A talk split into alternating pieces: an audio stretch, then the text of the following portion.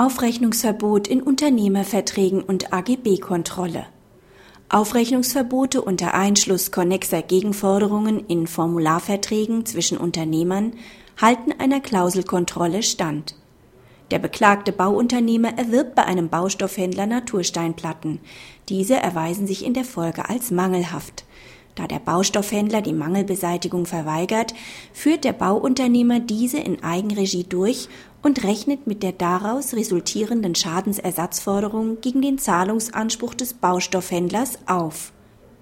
Im Liefervertrag hat der Baustoffhändler auf seine allgemeinen Geschäftsbedingungen hingewiesen, die unter anderem auch ein Aufrechnungsverbot enthalten.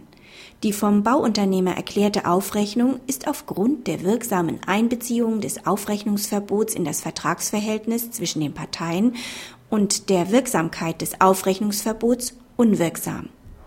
Unbehelflich ist insbesondere der Vortrag des Bauunternehmers zur Begründung der Unwirksamkeit der angegriffenen Vertragsklausel dahingehend, dass zwischen 309 Nummer 2 BGB und 309 Nummer 3 BGB ein Wertungswiderspruch besteht, da 309 Nummer 3 BGB anders als 309 Nummer 2 BGB kein Verbot eines Aufrechnungsausschlusses auch bei konnexen Gegenforderungen vorsieht.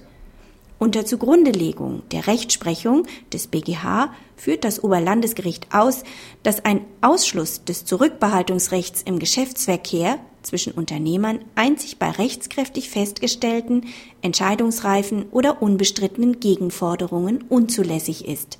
Deshalb besteht jedenfalls für diesen Fall zwischen 309 Nummer 2 BGB und 309 Nummer 3 BGB kein Wertungswiderspruch. Die Aufrechnung des Bauunternehmers geht mithin ins Leere. Praxishinweis. Die Entscheidung verdeutlicht, dass im unternehmerischen Geschäftsverkehr sowohl Zurückbehaltungsrechte als auch die Aufrechnung mit konnexen Gegenforderungen in AGB ausgeschlossen werden können. Es ist lediglich darauf zu achten, in die Klausel aufzunehmen, dass Ausnahmen bei unbestrittenen, rechtskräftig festgestellten oder entscheidungsreifen Gegenforderungen gelten. Da die hier streitgegenständliche Klausel diese Anforderungen berücksichtigt hat, war die Aufrechnung des Bauunternehmers zu Recht zurückzuweisen